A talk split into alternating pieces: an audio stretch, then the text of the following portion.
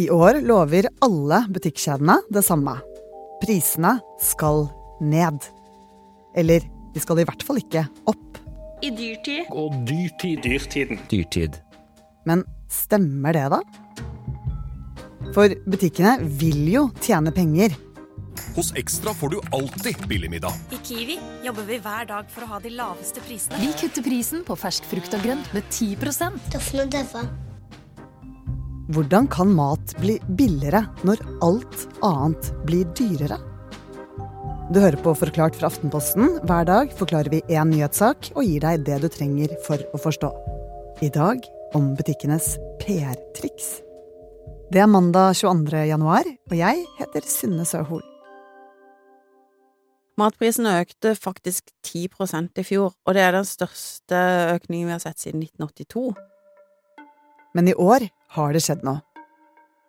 Marita Elena Valvik er økonomijournalist her i Aftenposten og har fulgt dagligvarebransjen i mange år. Ja, det som skjer nå, er at prisene fryser. Eh, Og for å skjønne eh, hva som skjer, så må vi hoppe helt tilbake til 1. februar i fjor. Som annonsert er eh, dagligvarene blitt dyrere i dag. I hvert fall hos Rema 1000 og Coop Extra, som i snitt har økt prisene med 8-10% Og da kom Kiwi med et sjokk til hele bransjen, og de skrudde ikke opp prisene 1. februar. Eh, Og det er jo noe som har vært vanlig siden 1990-tallet. For siden da har butikkene forhandlet med leverandørene sine to ganger i året. Forhandlingene har mye å si for hva ting skal koste i butikken. Og denne prisendringen har skjedd på to faste datoer. 1. februar og 1. juli. Grunnen til at det er to faste datoer, henger jo tilbake til 1990-tallet, fordi da hadde vi ikke datasystemer. Nå kan vi trykke på en knapp, så endres prisene. Da måtte man gå rundt med sånn gammel maskin med sånne oransje prislapper. Og det måtte de forberede, og de måtte ha god tid på seg, og alt gikk seint. Eh, sånn er det ikke lenger. Vi trenger ikke to, to datoer lenger. Vi kan trykke på en knapp. Og prisene ut i butikk avhenger av prisene leverandørene har på råvarene. For eksempel, da, hvis du produserer sjokolade, så trenger du råvaren sjokolade. Hvis den går veldig mye opp i pris, så vil du jo måtte øke prisen ut til eh, Rema og Kiwi, som skal selge dette videre til oss. Og det har du så langt hatt muligheten til å gjøre to ganger i året. Derfor så tok Kiwi konkurrentene på senga. For Kiwi satte ikke opp prisene. Butikkens såkalte prislås utløste panikk i bransjen. Konkurrentene Rema 1000 og Coop Extra måtte rett og slett hive seg rundt for å være på ballen. Jeg ser jo for meg at det ble full panikk på hovedkontoren til de andre billigkjedene da Kiwi ikke satte opp prisene. Og da hadde de jo ikke noe annet valg da enn å, å justere sine priser. Så jeg ser for meg at de løp rundt som sånn litt sånn hodeløse høns og trykka på datamaskinene sine. Og så er det viktig å huske da at selv om Kiwi og de andre ikke økte prisene sånn som de bruker å gjøre hver 1. februar, så gikk prisen likevel opp i løpet av året. Likevel, sånn sett i etterkant, så lykkes jo Kiwi med stuntet sitt. Eh, veldig mange satt med et etterlatt inntrykk av at Kiwi fremdeles er ledende på å holde prisene lave, og mens de andre diltet etter. Kiwis PR-stunt var en suksess. Coop og Rema 1000 følte seg truet. Noe måtte gjøres. Og i all hemmelighet så klekket Rema ut en plan. En helt ny kampanje. Hos dem skulle ikke prisene låses, de skulle fryses. Med hjelp av en Disney-karakter. Blant Rema fikk kodenavn Elsa fra filmen Frost, og skulle lanseres på nyåret. Og for å få dette til, så måtte de endre da de årlige forhandlingene med leverandørene, dvs. Si alle de som lager maten vår. Eh, Og denne forhandlingsrunden kalles ofte høstjakta. Hvordan forhandlet de om det, da? Da mente Rema at det gamle systemet med prisøkninger da to ganger i året, det måtte vekk. Så i all hemmelighet begynte de å forhandle med leverandørene om å få, gå over på nye avtaler, da, hvor de åpner for prisjusteringer hele året. Kan man si at dette er litt det samme som med flytende renter? Altså at det har vært faste priser, men nå blir de mer flytende? Ja, det er egentlig en litt morsom sammenligning. Og hvordan skal mer jevnlige forhandlinger gi lavere priser, da? Hvis vi går da tilbake igjen til det sjokoladeeksempelet, så er det jo sånn at hvis Nidar og Freia bare kan justere prisene to ganger i året, så er det sannsynlig at de også legger inn en slags forsikring. Eh, sånn at hvis de ikke er helt sikre på om råvareprisene går opp eller ikke, så må de jo sette opp den prisen i forkant likevel, fordi ellers så får de ikke betalt hvis det skjer. Eh, og da har de på en måte sikra seg. Eh, og på samme måte så er det jo ikke så lett å sette ned prisene hvis råvareprisene går ned, for de vet jo aldri om det kommer til å gå opp igjen. Så tidligere, med bare to prissettinger i året, så måtte leverandørene forsikre seg, og heller sette prisene litt opp i tilfelle råvarene skulle bli dyrere før neste forhandling. Men med en såkalt flytende forhandling så slipper de denne forsikringen.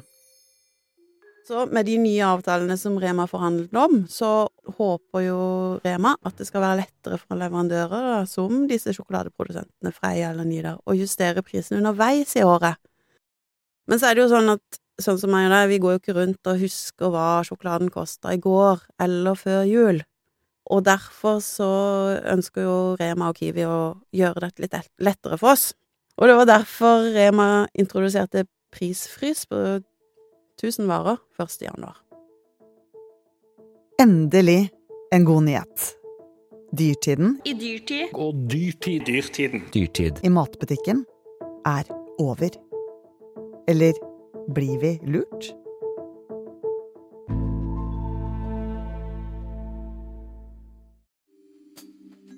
Marita, hvorfor fryser butikkene prisene? Det er at vi skal tenke at det er billig. Det er ren og skjær markedsføring. Og markedsføring er jo ofte følelser. Og i fjor så var et eller annet inntrykk at hvis du går inn på Kiwi, da gjør du et godt valg. Og nå gjør eh, Rema det samme. De lover deg at vi tar dyrtiden på alvor, og nå er det prisfrys, og at ikke de skal sette opp prisen. Og heller ikke denne gangen tok det lang tid før de andre kjedene fulgte etter. Alle lover å være billigst. Kiwi med sin prislås, Rema 1000 med prisfrys og Coop Extra med prispress. Men hvordan vet de hvilke priser de andre butikkene tar? Det vi vet, er at kjedene overvåker hverandres priser som hauker. Altså, de har ansatt egne prisjegere eh, som går rundt i hverandres butikker og skanner priser nesten hele tida. Eh, og noen ganger så er det bare en gruppe varer de skanner, og andre ganger så sjekker de alle prisene i hele butikken. Hvordan går det egentlig med butikkene sånn økonomisk? Altså, de siste resultatene for eh, 2023 kommer jo nå i mars. Men så sier jo kjeden at det er dårligere resultat nå i fjor enn det vanlige år. Og så har vi vært gjennom pandemien, som var en kjempeår for eh, dagligvarebransjen. Vanligvis så har de en driftsmargin på 3-4% og det er jo lavt hvis man da sammenligner med de andre leverandørene. Dagligvarekjedene trenger mye mindre driftsmarginer for å gå rundt enn selskapene som lager maten. Det er fordi butikkene har et enormt stort volum. De har utrolig mange varer. Og 3% av all den omsetningen til Kiwi blir det veldig mye penger av. Så selv om kjedene alltid forsøker å si at de bare har 3% driftsmargin, så må en ta det med litt sånn klype salt. Men har butikkene tapt penger på priskrigene som har vært da? Tja, altså, de har jo nok tapt penger på å selge akkurat de varene det har vært priskrig på. Men så må vi jo ikke glemme at forutsetningen for å drive butikk, det er å tjene penger. Det jo, ligger jo i deres DNA, for å si det sånn. For ingen av butikkene fryser prisen på alle varene sine. Rema 1000 gjør det bare på en fjerdedel. Selv om alle kjedene nå konkurrerer og lover ikke å sette opp prisene, så er det jo viktig å huske på at dette bare er noen av varene i butikk. Og så er det sånn at det er noen varer de tjener mer på enn andre, eh, og jeg tror ikke det er helt tilfeldig at er noen av disse tilbudene kalles lokketilbud. For eksempel så er det veldig vanlig å få deg inn i butikken med billig kjøttdeig men du kjøper jo ikke bare kjøttdeig. Kanskje trenger du tacopulver, sjampo, såpe og en barberhøvel også. Og det er jo vanligvis varer med god margin. Da tjener de i hvert fall inn de pengene de tapte på kjøttdeigen. Hvilke varer er det som gir god margin da, for butikkene? Altså hvis du kommer inn på Coop, så har de non-food helt i starten av butikken, ikke sant? Hva da? Non, hva sa du? Non-food? Nei. Non-food, ja, det er sånn øser og sokker og alt det greiene som, som jeg går rett forbi, men som selger ganske bra. Det tjener de mye penger på? Det tjener de mye penger på. Hva er det de har foran der? Av og til grillkull, eller eh, av og til står det noen blomster der, eller spylervæske, eller Ting som ikke er vanligvis i dagligvarebutikker. mm. I tillegg tjener butikkene gode penger på at vi er late. Som for eksempel ferdigkuttet sjampinjong, pakker med melmiks, ferdigkakkede egg og pannekaker man bare varmer opp. Dette er billig å produsere, men dyrt å kjøpe. Det er nemlig ikke pris som er viktigst for oss nordmenn. Vi skulle jo kanskje tro det, siden vi journalister hele tida skriver om priskrigene, og, og at kjedene faktisk har priskrig. Eh, men det som er viktigst for nordmenn, er hvor butikken din er. For her i Norge så er vi veldig dårlige på handlelister. Eh, vi kjøper middagen på vei hjem fra jobb, og da er det viktig å ha en butikk i nærheten. Eh, For det er jo ikke akkurat da du liker å måtte gå i en ny butikk og lete etter pølsen og osten du trenger eh, i en fremmed hylle. Så er det jo en forskjell her at her i landet så handler vi fire til fem ganger i uka. Det er derfor vi har så mange flere butikker enn det vi har i Sverige. Der storhandler folk gjerne hver fjortende dag, og så fyller de på med ferskvarer underveis. Så vi har en helt ulik handlekultur med vårt naboland. Er det det kjedene tjener penger på? At vi handler spontant? Ja, jeg tror jo det. De vil jo at vi skal bli lurt, men at ikke vi skal oppdage at vi blir det. Og de vil at vi skal putte en ekstra vare eller to i handlevogna. Gjerne en sjokolade, en chipspose eller noe annet vi egentlig ikke trenger. Og da er det jo egentlig å se hva som møter deg ved inngangen, eller hva som frister deg de siste fire meterne før kassa, der du står og venter i, i kassakøen, og det som er rett ved kassa når du skal betale. Og så er det jo viktig å huske på at disse kjedene, de lever jo av å tjene penger. Og selv om de sier at de aldri gir seg på pris, eller at de skal være den billigste dagligvarekjeden, så de skal tjene penger. Hva er det man kan gjøre for å ikke ta så mange dumme valg i butikken? Du kan ukeshandle med liste, eh, ikke handle når man er sulten, eh, kjøpe grønnsaker i løsvekt, ikke pakka. Og mitt eh, eksempel der er at jeg veldig sjelden kjøper løk i sånn strømpe.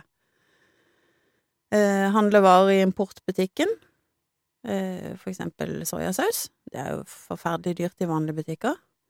Eh, se litt på prisene på sjampo og deodorant og de tingene som du finner i konkurrerende butikker, for eksempel på normal- eller europris. Og så eh, er det jo ofte bedre utvalg av det billige brød tidlig på dagen. I mange år så brukte jeg handleliste og handla bare én gang i uka. Og da eh, gikk jeg gjennom det jeg hadde i kjøleskapet før jeg skrev en slags eh, sånn ukesplan for hva som skjedde i familien. Det som jeg lærte da, var at jeg alltid måtte ha inn en dag med restemat. Ellers så fikk jeg for mye mat i kjøleskapet på slutten av uka. Det funka i hvert fall for meg.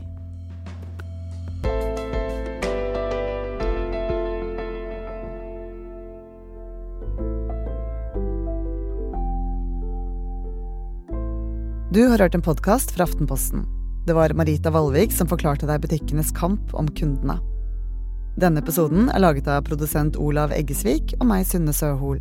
Og resten av Forklart er Heidi Akselsen, Philip A. Johannesborg, Fride Næss Nonstad, David Vekoni og Anders Weberg. Lyden du hørte er fra Stortinget, NRK og reklameklipp fra Kiwi, Rema 1000 og Coop. Hva er det vi syns er morsomst å prate om? Alt vi scroller på. Ikke sant? Og det liker vi å prate om sammen, men også med våre fantastiske gjester i Poprådet. Hver tirsdag. I Podme eller i Aftenposten-appen.